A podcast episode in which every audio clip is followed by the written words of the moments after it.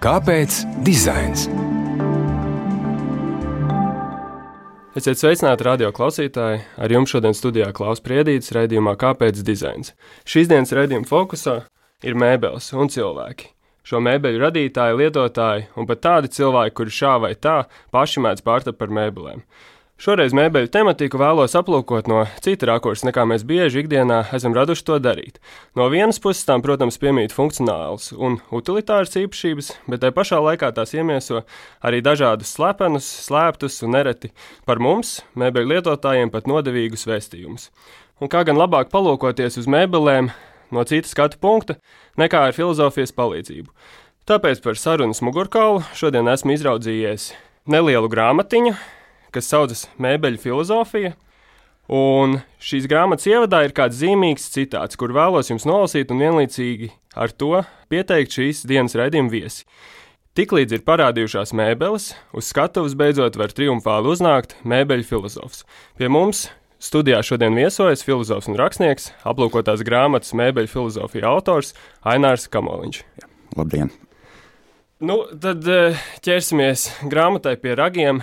Un uh, interesanti, kā tāpa ideja par šādu grāmatu, kāpēc mēbeļu filozofija. Patiesībā šīs idejas sākumi ir vairāk.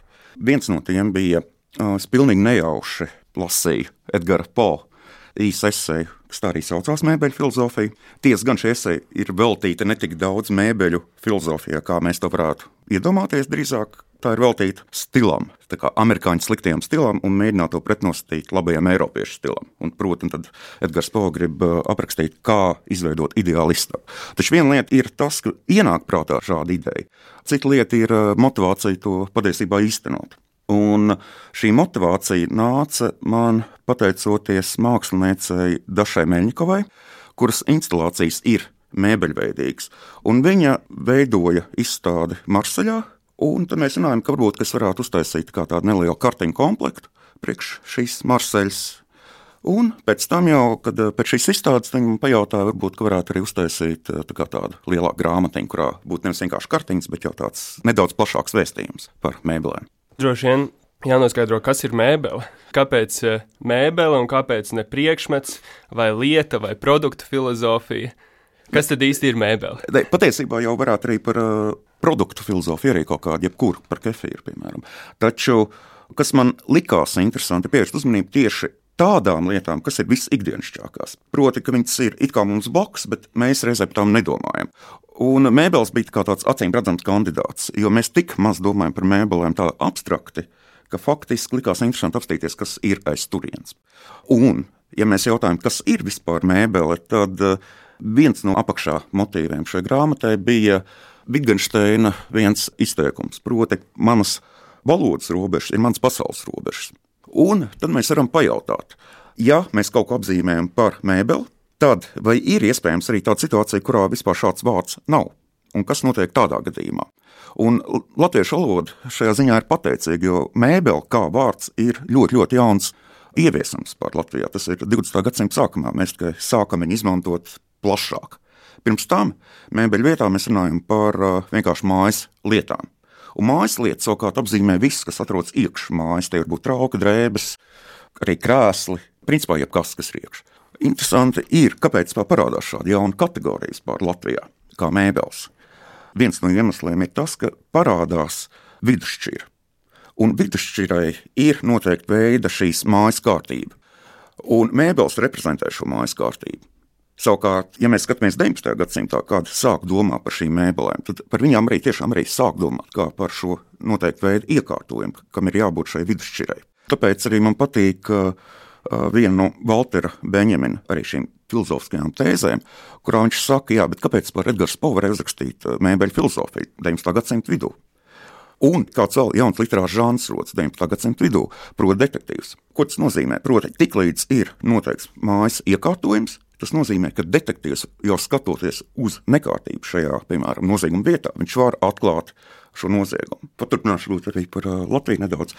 Viens no interesantākajiem darbiem, kas ir 20. gadsimta sākumā, ir Linnāda Laicēna darbs, Mēbelīgā Rīga, proti, tiek pretnostīts pilsēta un lauku tieši caur mēbelēm. Proti, tas, ka mēbelīgā Rīga ir buržāskā Rīga, Linnēts Lēcāns ir kreisais.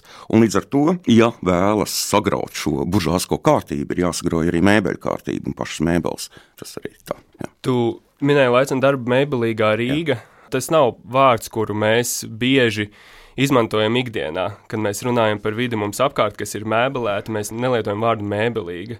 Kas ir šis vārds mēbelīga, ko tas ietver un kādus varbūt riskus tas eh, rada cilvēkiem? tieši mēbeles. es domāju, ja mēs skatāmies šo mēbelīgumu pret nemēbelīgumu, tad to arī var skatīties šajā nošķīrumā, kā noteikti veida kārtība un nekārtība. Protams, ja mēs skatāmies tieši laicēna gadījumā.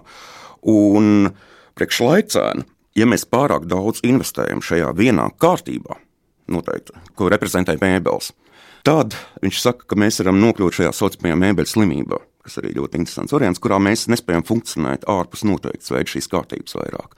Un tad eh, šajā darbā, mēbelīgā Rīga, tad šī saimniece, kas bija tik ļoti investējusi šajās mēbelēs, viss, ka viņi vienkārši nomirst, tīrokot šo nekārtību. Ja.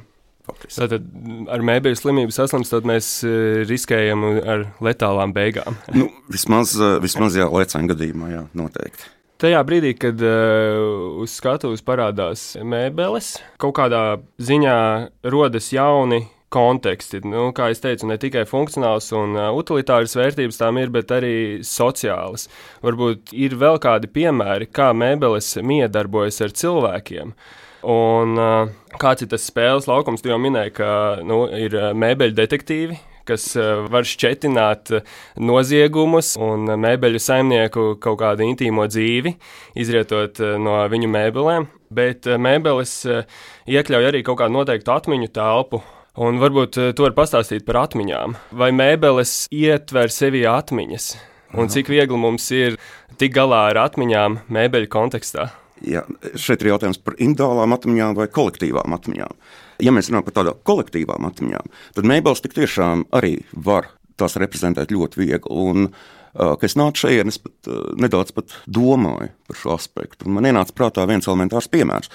Proti, uh, ja mēs apskatām balstu iekārtojums, šies, šos mēbeļus. Piemēram, prezidentam parasti šīs mēbeles ir tāds vecāks, viņas pārstāv tradīciju, savukārt parlamentā viņas ir modernākas, jo nu, tātad parlaments pats par sevi ir kaut kas tāds, kas nomainās uz laiku. Un šādi, jā.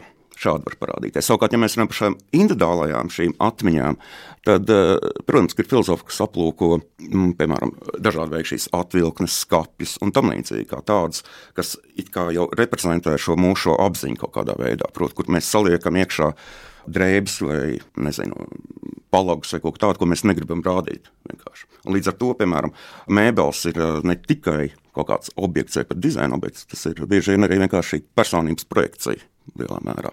Un, ja mēs skatāmies uz mēbelēm kā šo projekciju, tad tāds moderns piemērs būtu laikam jau Putina garais galds. Ja. Tātad viņš reprezentē sev kā šo vientuļo valdnieku un mēģina visus pārējos distancēt no sevis. Ja piemēram. Un kam savukārt varam pretnostatīt, piemēram, karaļa Artūra apaļo galdu, kurā viss savukārt ir vienlīdzīgi. Ja? Piemēram, arī šādas projekcijas var būt ar mēbelēm. Personības. Jā, tu jau minēji arī politisko aspektu. Man liekas, interesanti, tu grāmatā esi salīdzinājis eh, mēbelētu vidi kā valsts iekārtu kā mēbeles uh, ienāk arī šajā lauciņā, kā kaut kādas sociālās dzīves organizētājas.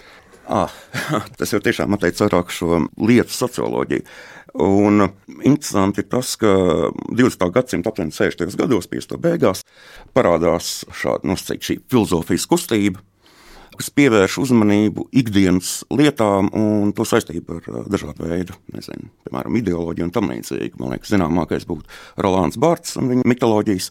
Savukārt otrs, man liekas, labi zināms cilvēks ir Bodriārs, kurš uzraksta darbu lietu sistēmu, kurā viņš arī aplūko ikdienas sadzīves šīs lietas un caur šo lietu kā, funkcijām un tam līdzīgi arī mēs varam ieraudzīt zināmu veidu šo ideoloģisko aspektu, arī politisko aspektu. Pat. Un uh, es izmantoju tikai vienu mazu citātiņu no Budrēra savā grāmatiņā, kas saistīts ar to, kā mēs izvietojam, piemēram, mīkstās mēbeles, un tas jau arī ietekmē veidu, kā mēs sarunāsimies šajā telpā. Nu, līdzīgi arī, piemēram, ja ejam pie priekšnieka, viņam arī mēbeles saliks noteiktā veidā, kurā nu, mēs jūtam, ka mēs esam padotie, piemēram. Ja. Vai arī mēs liekam kādu pie galda galā, jo galda galā tiek pieņemts, ka šī perspektīva pār visiem pārējiem, savukārt tie, kas sēž galda malās, viņiem ir ierobežota perspektīva. Līdz ar to viņi ir kā tādi mazāk zinoši nekā šis ģimenes tēls vai māte, piemēram. Tu mini arī grāmatā, ka cilvēki pārto par mēbelēm. Iespējams, tie tajā galda malā kaut kādā ziņā kļūst par mēbelēm. Vai var tā notikt, ka cilvēks kļūst par mēbeli? Jā, protams, un šeit arī ir vēl viens veids, kā parasti tiek domāts par mēbeli. Proti, kad es jautāju vienam savam draugam, kā viņš definētu mēbeli, viņš ir fenomenāls, un viņš teica, ka mēbeli ir kaut kas tāds, ko es neievēroju. Proti, ja, ja tā ir ērta mēbele, tad viss kārtībā ar viņu. Tā ir patiešām. Mēs ievērojam tikai to, kas ir nērts. Un šajā gadījumā man patīk Eriks Satī skaņdarbs, kas ir veltīts mēbelēm, kura uzdevums ir visu laiku atkārtot vienu motīvu, tā lai tas pazūd šajā vidē. Līdzīgi arī mēs arī sadzīvē runājam par piemēram, tādu lietu kā krogs mēbeli. Ja. Tātad cilvēks laiku tur sēž tik ļoti, ka viņš ir jau iegrimis šajā vidē. Jā, šajā ziņā mēs par cilvēkiem, kā par mēbelēm, parasti runājam tādu, kas sev ir vienkārši tik ļoti integrējies šajā vidē, ka mēs viņu pat neredzam. Viņš vienkārši jau interjera objekts kaut kādā nozīmē. Tas pasīvs. Ja. Tajā brīdī, kad tu minēji satī un mūziku, man prātā uzreiz ienāca, ka mēbeles arī taisa mūziku. Čīkstošas durvis vai čīkstoši krēsli. Un, uh, tas ir brīdis, kad mēbele kļūst pamanāma un varbūt pat ārkārtīgi uzbāzīga. Mums, mums ir jāsāk kaut kas darīt lietas labā, lai šī mēbele mums nesāktu traucēt pārlieku daudz. Nē, šajā gadījumā man tikai pieminējās par čīkstēšanu un tam līdzīgām lietām, ko dara mēbeles. Šajā gadījumā man uh, ienāca prātā viens darbs, ko es diemžēl neizmantoju šajā savā grāmatiņā, bet tas ir Aleksandra Čakas stāsts krēsls. Un šajā stāstā Tātad uh, cilvēks, kas ir nokļuvis, kurš atrodas šajā vientlībā, pieprasa sāk tiešām čīkstēt šis krēsls, visas šīs mēbeles sāk čīkstēt, un viņš pamazām apgūst šo mēbeļu valodu īstenībā. Tātad, uh, principā, viņš jau sāk komunicēt ar šīm mēbelēm, Un tad eh, čaka gadījumā arī bija zināms veids šis noziegums, ko pieredz šīs mēbeles, ja, un tā tālāk arī, kas pēc tam spēj izstāstīt savam saimniekam, ja, kas īsti notika. Tā kā arī šādi var būt. Tagad es vēlos eh, pieķerties vēl vienam grāmatā minētam aspektam. Tu sadali un kategorizē mēbeles kā mēbeles un dejojošie ķīniešu galdiņi. Varbūt tu vari pastāstīt eh, klausītājiem, kas ir dejojošais ķīniešu galdiņš un ar ko tas atšķirās no mēbeles. Aha. Jā, dejošais ķīniešu galdiņš. Tas ir piemērs, kas ir nācis no Kārļa Marksa kapitāls. Īstenībā no vienas no viņa slavenākajām nodaļām šajā kapitālā, proti, kur viņš apskata to, kādā veidā veidojas lietu vērtība. Ja? Kāpēc mēs, piemēram, pērkam kaut kādas drēbes dārgāk nekā citas drēbes, lai arī piemēram materiāls viens un tas pats. Un viņa piemērs ir ķīniešu galdiņš. Un ķīniešu galdiņš, protams, ir spirituālists galdiņš, faktiski, kurš tiek dancināts noteiktā veidā. Un, kas ir interesanti, ka šajā nodaļā, šajā kapitāla nodaļā, atkal šīs lietas savā ziņā tiek uh, personificēts. Proti, tiek izveidots noteikti veids, šis ķīniešu galdiņš, tāds faktiski tāds teātris, kas no skatlokiem, piemēram, ar tevīm arī noteiktā veidā uzrunā, protams, tāds reklāmisks variants. Un tad ir jautājums, kāpēc tieši šis ķīniešu galdiņš ir vērtīgāks nekā parasts galdiņš, ir atkal tāpēc, ka mēs projicējam noteikti veidu valodu uz viņu, noteikti veidu šos brandus vai vispārējo. Tas ir šis Marksa uh, ieguldījums. Protams, viņš saka, ka šī vērtība nevienmēr ir vienlīdzīga ar darbu, kas tiek ieguldīts šajā lietā. Ja? Piemēram. Nu, tas nozīmē, ka tajā brīdī, kad uh, mēs sākam kaut ko pārdot, tad uh, tā funkcija vairs nav tik primāra un sākas kaut kāda skatuviska spēle ap to priekšmetu, ap to mēbeli. Jā, faktiski tāds arī ir. Tas ir tas, ko Marks arī mēģināja pateikt. Un uh, kā tev pašam izdodas ikdienā pielietot to, ko tu esi uzkrājis, rakstot šo grāmatu, vai tu vari vispār uz krēsla vēl pasēdēt kā vienkārši uz krēsla, neievērojot viņu telpā? Tas ir interesanti, ka es, pateicoties tam, ka es strādāju pie tā, es daudz vairāk pievēršu uzmanību šīm mēbeļu izkārtojumam un to, kā vispār šīs mēbeles funkcionē. Vai arī pat, kad es lasu kaut kādus romānus, es pat uh, sāku piefiksēt, kā tur funkcionē šīs mēbeles. Piemēram, elementārs piemērs būtu Daniela Kelmana darbs Tils, kas ir veltīts simtgadu karam. Un šajā darbā ir uh, Ziemas karaliene, kas bija šajā simtgadu karā. Un viņas problēma ir tāda, ka viņas status ir neskaidrs un tad viņi tiek pieņemti pie vēstnieka. Un problēma ir tāda, ka šai karalienei ir drīkst pirmā apsēsties, tikai pēc tam vispār jāapsēž. Tas ir viens. Otra lieta ir tas, ka karaliene nedrīkst sēdēt krēslā, kurā nav atceltnes. Proti, arī pašs krēsls, šis eh, noteikti veidi, jau šīs eh, formas arī nosaka arī šo noteiktu statusu. Tātad, ja ir krēsls ar eh, ir viens variants, ja rokturiem tas ir jau augstāks variants, ja tronis, un tad viszemākais būtu kaut kāds teblīts. Nu, lūk, un tad šī karaliene ienāk šajā telpā, un viņi redz, ka tur nav krēsla ar atveltnēm. Bet reizē arī šis vēstnieks nesēž. Viņš stāv un tad, lūk, un tad visu šī darba laikā notiek šī dēļa ap šiem krēsliem. Proti, ko darīt? Ja viņi apsēdīsies, viņi zaudēs savu statusu. Un, savukārt, ja vēstnieks apsēdīsies, tad viņš savukārt parādīs šīs karalienes statusu. Līdz ar to viņi visu laiku dejo apkārt un nevar apsēsties visu šo epizodi. Tas arī tāds vēl viens piemērs, kā šāds mēbeles var parādīt šo netiešo šo simbolismu. Jā, un atkal mēbele ieņem kaut kādu politisko aspektu telpā un norāda uz statusu. Jā, jā, jā, tas tieši tā. Ne jau vēl tātad trons ir uh, viena no lietām, kur nedrīkst apsēsties vienkārši parasts cilvēks. Ja. Uzreiz viņš pārņem ja, šo veselu seriālu ap vienu mēbeli, kas ir uztaisīts, ja, troņa spēles. Vēl tu mini, ka cilvēcība ir saistīta ar mēbelēm, un mēbeles ir veids, kā civilizēt neapdzīvoto. Kā mēbeles parāda šīs attiecības starp cilvēcisko un necilvēcisko? Nu, šeit ir divi jautājumi. Es sākšu ar pirmo, un tad pāriešu to cilvēcisko necilvēcisko. Ja mēs skatāmies uz mēbelēm kā noteikti šo civilizācijas sākumu, Patiesībā tas ir uh, bieži izmantots gan literatūrā, gan arī noteikti veidā vēstures rakstīšanā. Piemēram, 19. gadsimta beigās tika uzrakstīts darbs, kas saucās Krēsla vēsture. Un šajā darbā šī krāsa vēsture sākas ar Eģipti. Proti, ka nu, pat faraoniem bija krāsli un aiziet līdz 19. gadsimta beigās. Bet kāda bija apakšā tur doma? Bija tāda, ka tikai kultūrālām civilizācijām ir krēsli. Un tāpēc ir iespējams pretnostīt šo brīnišķīgo rietumu kultūru, austrumu kultūrai, kurai nav šie krēsli, ja, kur sēž piemēram uz grīdas, līdz ar to viņi ir barbari. Tas ir viens variants. Savukārt, ja mēs skatāmies uz literatūru, tad eh, literatūrā arī parādās šis veids, kā mēbeles ir sākums noteikti veida jau kolonizācijai. Tas ir uh, Robinsons Krūzo pirmais, ko viņš izdara, kad viņš izglābis, viņš uztaisīs krēslu un galdu, kas savukārt simbolizē to, ka šī sala noteiktā veidā tiks kolonizēta. Jo pirmais, ko viņš dara, viņš sāk veidot sarakstus, lietu sarakstus, ka viņam ir izglābts un tam līdzīgi. Un šāda veida kolonizācija šīm mēbelēm tiek pretnostīta vienkārši šai tehnoloģiskajai kolonizācijai, ko viņš pēc tam atgriež pilsētā. Problēma nav tas, ka tā ir civilizācija, problēma ir tas, ka viņi nepareizi tur dzīvoja. Tātad, proti, caur šo industrializāciju, kas nepatīk default tajā laikā. Tas ir arī tāds aspekts. Otra jautājuma bija par necilvēkiem. Jā, šis aspekts arī man liekas ļoti interesants, jo Mēs tomēr uzskatām, ja, ka mēbeles ir faktiski tikai cilvēkiem. Ja, tad, ka, piemēram, lapsiņai ala nav gluži izstaba, ja tā ir vienkārši ala.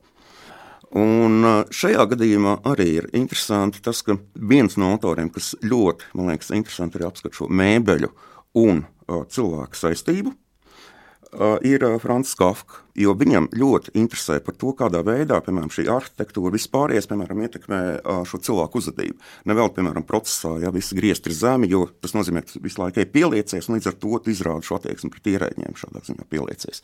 Un savukārt šajā metamorfozē, viņa, man liekas, slavenākajā darbā, Gregors Zamza, kas kļūst par kukaini, viņš pieprasa redz, ka viņa necilvēcīgums parādās tajā, ka viņš nevar sadzīvot ar šīm mēbelēm, viņš nevar gulēt ērti un tā tālāk. Savukārt vecāki, kas negrib pieņemt to, ka viņa dēls kļūs par šo kukainu, viņi negrib mest ārā savukārt šīs mēbeles, jo tiklīdz izmetīs ārā mēbeles, tad šī telpa kļūs par alu, un viņš kļūs pilnībā par necilvēku. Līdz ar to visu laiku šī dilēma, ja, ko darīt šīm mēbelēm un kā dzīvot šajā vidē šim necilvēkam. Darbie klausītāji, novērtēsim, ka mēs dzīvojam mēbelētā vidē, ka mēbeles mūs uh, civilizē.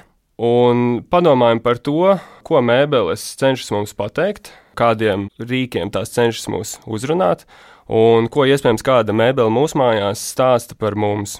Uz šādas nots šīs dienas raidījums ir izskanējis. Paldies šīs dienas raidījuma viesim par interesanto sarunu. Paldies, darbie radio klausītāji, ka šodien bijāt kopā ar mums. Studijā pie mums viesojās filozofs un rakstnieks, grāmatas mēbeļu filozofija autors Ainārs Kamoliņš, raidījumu vadīja Klaus Priedītis, skaņu montēja Judīta Bērziņa. Izsakām pateicību arī Valsts kultūra kapitāla fondam par atbalstu raidījumu tapšanā un uz tikšanos nākamajos raidījumos.